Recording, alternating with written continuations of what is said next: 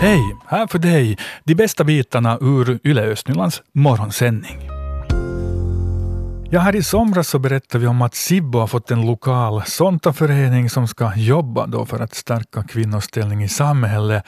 Uh, och nu har jobbet kommit så här långt att man har registrerat föreningen och den ska tas in i den internationella Sonta-organisationen, bli en medlem där i familjen. Och det här ska man då fira inom Sonta-klubben Sibbo på Sippo med eh, en fest för inbjudna gäster det här i slutet av februari. Ki Åström, ja, du har då varit med uh, ända från starten här i Sontaklubben i Sibbo. God morgon på dig. God morgon, god morgon. Vad är det som gör att du vill vara med i den här uh, lokala Sontaföreningen i Sibbo? No, nu är det kanske det viktigaste, det att jag har alltid varit hemskt intresserad av de här jämställdhetsfrågorna och och, och vilja vara med och förbättra kvinnors och flickors ställning. Och, och sen var det kanske nog också en sån här tid att mina barn började vara vuxna så det kändes att, att nu har jag tid till det här och, och det där och så tänkte jag att det kom så där passligt så jag är gärna med. Mm. Uh, nu har ni vuxit till lite, ni har en 15-20 medlemmar för, för tillfället. Uh, vad har ni gjort på, på era möten, träffar? No, nu har vi ju ganska långt förstås, så som, som du sa i början, varit, när det har tagit sin vissa tid att registrera och så har vi kommit samman och så har vi idéer kring de här frågorna. Att, att, för det är ju dels så, så finansierar, är vi ju med och finansierar sådana internationella projekt som, som går ofta via FN. Men sen har ju varje klubb också sådana lokala projekt. Och det där, det har vi ju egentligen uh, funderat och idéer kring och, och nu kommer vi faktiskt inom januari ännu att ha tillsammans med socialsektorn i Sibbo sån här diskussion att, att vad är deras behov? Och sen kommer vi efter det att egentligen slå fast att, att vad kommer att vara våra sån här lokala välgörenhetsmål nu här, mm. här under en snar framtid. Vad kunde det till exempel vara? Mm, nej, vad jag vet vad man har gjort i andra klubbar, man har gjort väldigt mycket. Man, man har dels varit med i åldringsverksamhet eh, och hjälpt till där och sen har man också till exempel hjälpt eh, flickor i, eh, haft matematikklubbar och, och också det där uh, stött dem ekonomiskt med, med till exempel några läroböcker och, och sådana saker. Att det, det är ganska olika grejer. Och sen har man också haft sådana här långsiktiga mål och, och sen sådana här engångsprojekt att stödja. Mm, så det finns mycket att, så att säga, välja på? Det finns det. Men det här att stödja kvinnor, eh, det är då det som är i fokus? Jo, det, det är kvinnor och, flickor. No, men, uh, jag har förstått att ni gärna vill bli fler Eh, i, i SIB och då, vilka kriterier ska man uppfylla för att få bli medlem? No, man ska ju nog vara intresserad att, att det där, eh, jobba med de här frågorna och också liksom ha tid för att, att det, det där, det, man, man är ju själv med där och, och planerar och förverkligar de här.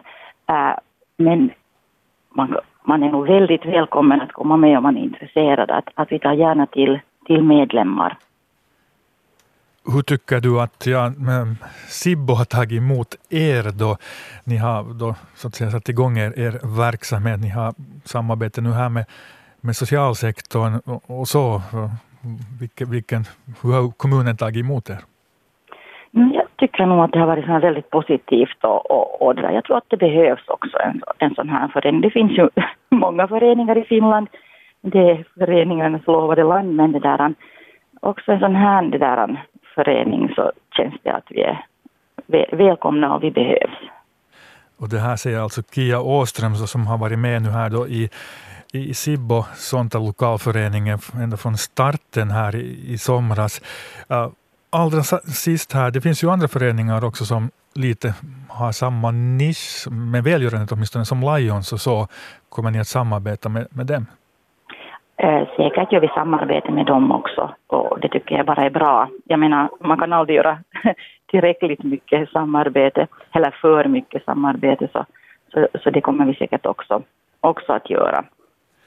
Och i slutet av februari ska ni festa det att ni då blir en del av den internationella då, ska vi säga sånt, organisationen, familjen. En hurdan fest ska det här bli? Hoppeligen en, en, en fin fest, en trevlig fest, en, en också sån här äh, varma nätverkar och vi har ju inbjudna, kommer att bjuda in gäster dit men det där, mm, passa på att säga nu att, att är man intresserad av, av den här sånta verksamheten och att stödja ett sånt så, så ska man nog kontakta oss i styrelsen. Och så är man nog välkommen med där också. Bra. Uh, ha en, en trevlig, god startfest. Tack. Tack så mycket. Ja, tack för att du var med i vår morgonsändning. Och det här är alltså Kia Åström, aktiv där i Sibbo.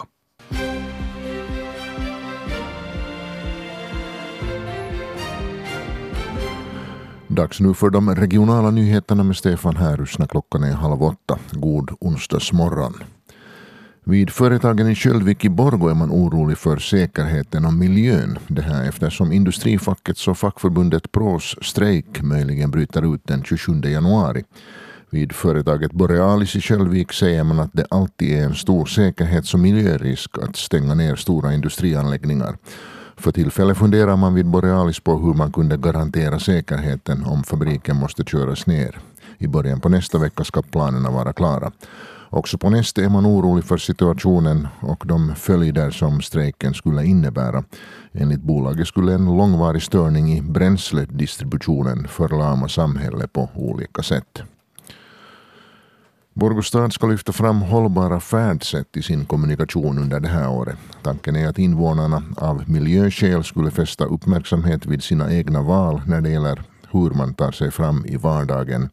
Det handlar här om att prioritera färdsätt som cykling, offentlig trafik och samåkning samt också att i större utsträckning distansarbeta.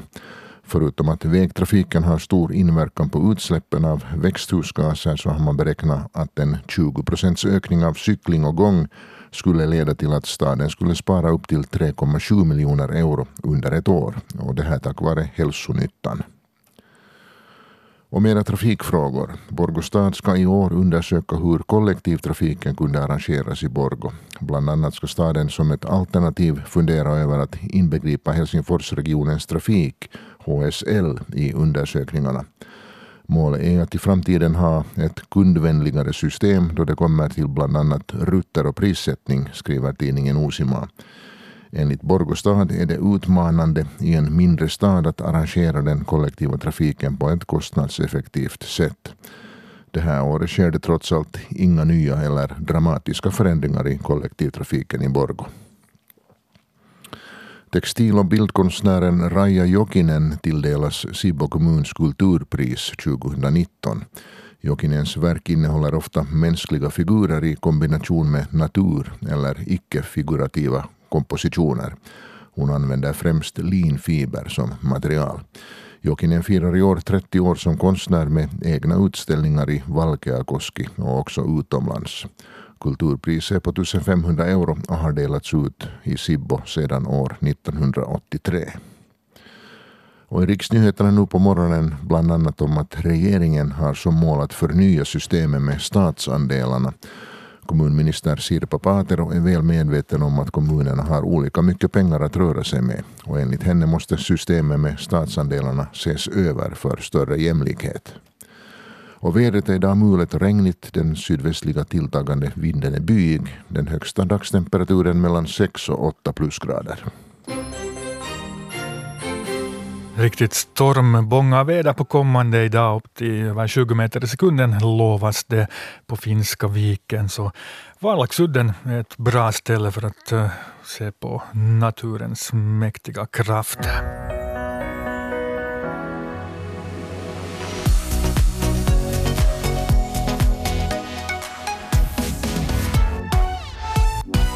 Ja, vi har här de senaste arbetsdagarna jobbat en hel del med det här med nätförbindelse, tv-mottagning, sådana frågor i regionen. Och ni har också bidragit med många kommentarer och, och berätta hur bra eller dåligt det är på olika håll, då, närmast i glesbygden, på den här fronten. Och det verkar vara lite så att det skulle gälla att dra fiberkabel sådär själv till olika hushåll i glesbygden då för att få en riktigt bra och säker nätuppkoppling. För det är ofta den bästa lösningen eftersom telefonbolag i många fall ser sådana här projekt som alltför dyra. Ja, I Östnyland så fanns det 2018, visar statistiken, störst andel hushåll med fast bredband i Lovisa. I Sibbo där i sin tur är det den lägsta andelen hushåll med fast bredband. Äh, där äh, till exempel i Mårtensby så grundades ett andelslag för att bygga fibernät, men det upphörde sommaren äh, 2019 på grund av att intresset var för dåligt. En aktör som då bidragit till Lovisas höga andel fasta bredband är Liljenets fiberkabelsats fiberkabels andelslag i Liljendal. Andelslagets styrelseordförande Paolo Alkama. Ja, han berättar här om hur de fick eh, fibernät till Liljendal. Projektet startade 2007 med relativt kort varsel. Man började gräva avloppsledningar mot Eskilom och Mikkespeltom och så fanns det några bytokar som tyckte att bara är ju dumt att gräva att vi sätter ner fiber samtidigt så att Liljenet startade två veckor före man skulle börja gräva avlopp. Och man skaffade fiberkablar som man fick låna och delvis fick vi hjälp av kommunen med finansieringen för att skaffa de här första fiberrullarna. Varför ville de här bytokarna ha fibernät hit? Man hade kommit till den slutsatsen att ytterst få kommersiella aktörer inom den här fibersidan i det, det skedet var villiga att satsa pengar på att bygga ut ett nät i Liljen. Hur gick allt det här då? Nu vi säger nu så här slutresultatet så gick det bra. Det var ju nu många vändningar innan vi var så långt att vi fick igång det. Och, men att, jo, det har gått bra. Och det var Metallko arbetskraft som ni gjorde det här då? Jo, och fiberdragningen och utkörning och den här som vi var hjälp med till då med med, för fiberskor så den gjorde vi på Talko. Avloppsgrävningen och den så den var ju sen konkurrensutsatt och gjordes av entreprenören men att vi var med och drog fiber i samma dike som avloppsledningen blev satt. Är det här något du rekommenderar åt andra också som funderar på sådana här lösningar? Jo, bara man får tillräckligt med talkofolk så kan man göra det men att talkoandan har jag på känn att det minskar att, att inte man riktigt att ställa upp för att vi har satt hundratals dagar, inte bara timmar utan vi har satt dagar. Jag brukar så här på skämt säga att jag har den dyraste internetanslutningen plus de här andra som var bytokar då med i början. Just i och med att du har varit med och jobbat så mycket själv för det här. Ja, just det. För att 2008 som vi byggde hit mot den här byn som jag bor i själv så var jag med hundra dagar. Och vad har du för råd till andra andelslag som funderar på att starta ett sånt här fibernät? Nu ställer du sån fråga så jag inte kan svara på. För jag är nog så mycket fast i de här personerna som finns med. Att är du villig faktiskt att satsa helhjärtat på det. Jag vet att det finns andra andelslag som har försökt. Man har börjat dra metallko så det gänget tröttnat på det och så har blivit till betala stora pengar för att få det genomfört. Och hur har det här nätet fungerat? Nu har det fungerat riktigt bra. Några små det här problem har vi haft. Någon har grävt av en kabel eller två. Och sen blir det ju alltid någon störning med något elavbrott eller någon, men att i regel ju riktigt bra. Det här berättar Paul Valkama som är då styrelseordförande för Liljenets eh, fiberandelslag. Och eh, det var Hedvig Sandell som då träffade honom om det här och vi har just också publicerat eh, en webbartikel med Paul Valkama där. Det också finns lite statistik över eh, hur bra eller dåligt det är med då fiberkabel till hushållen här i regionen.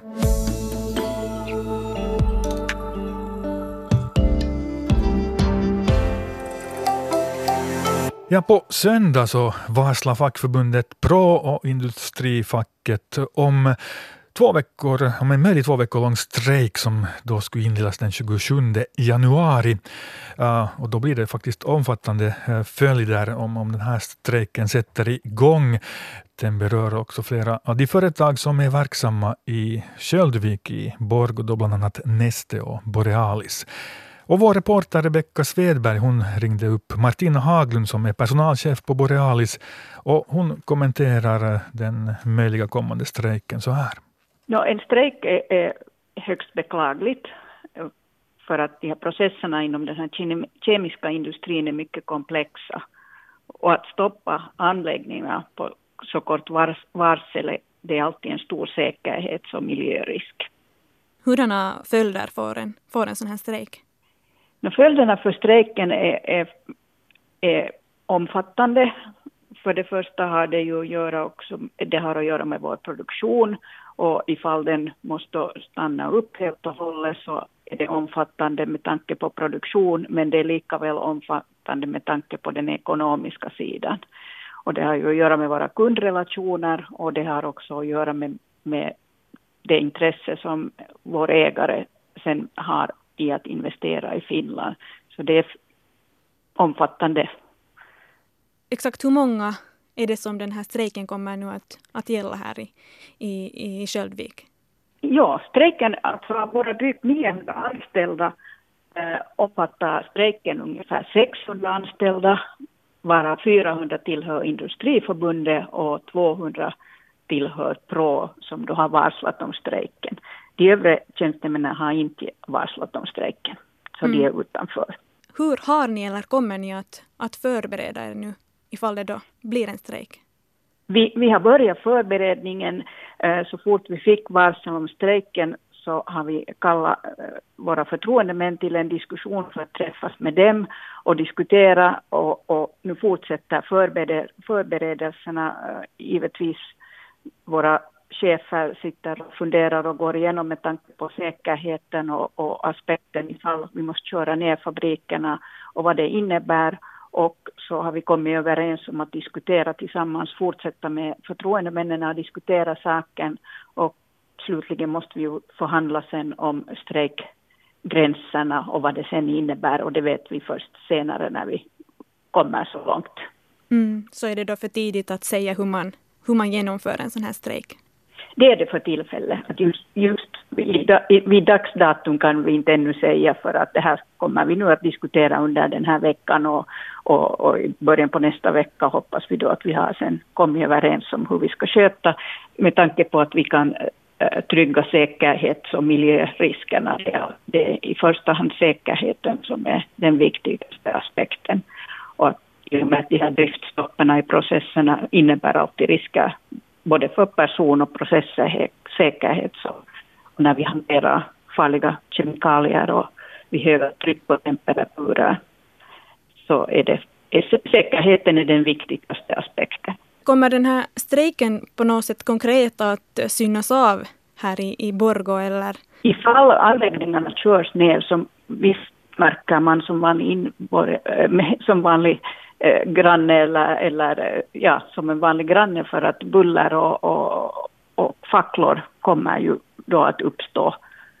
Och vi brukar ju informera väl sen om, om, om vad, det, vad det innebär och, och visserligen har, har ju också omfattningen med tanke på det här området att här ligger Neste som granne så det gäller ju även dem. Och det här berättar Martina Haglund som är personalchef på Borealis och reporter. Det var Rebecka Svedberg. Uh, Mira, du har märkt av här att det på Facebook nu pågår en liten diskussion här kring, kring vår artikel om, om just den möjliga strejken.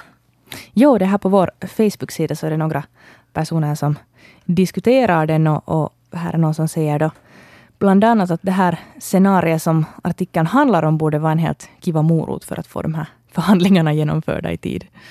Mm. Kanske slut på alla andra möjliga strejker också, vem vet?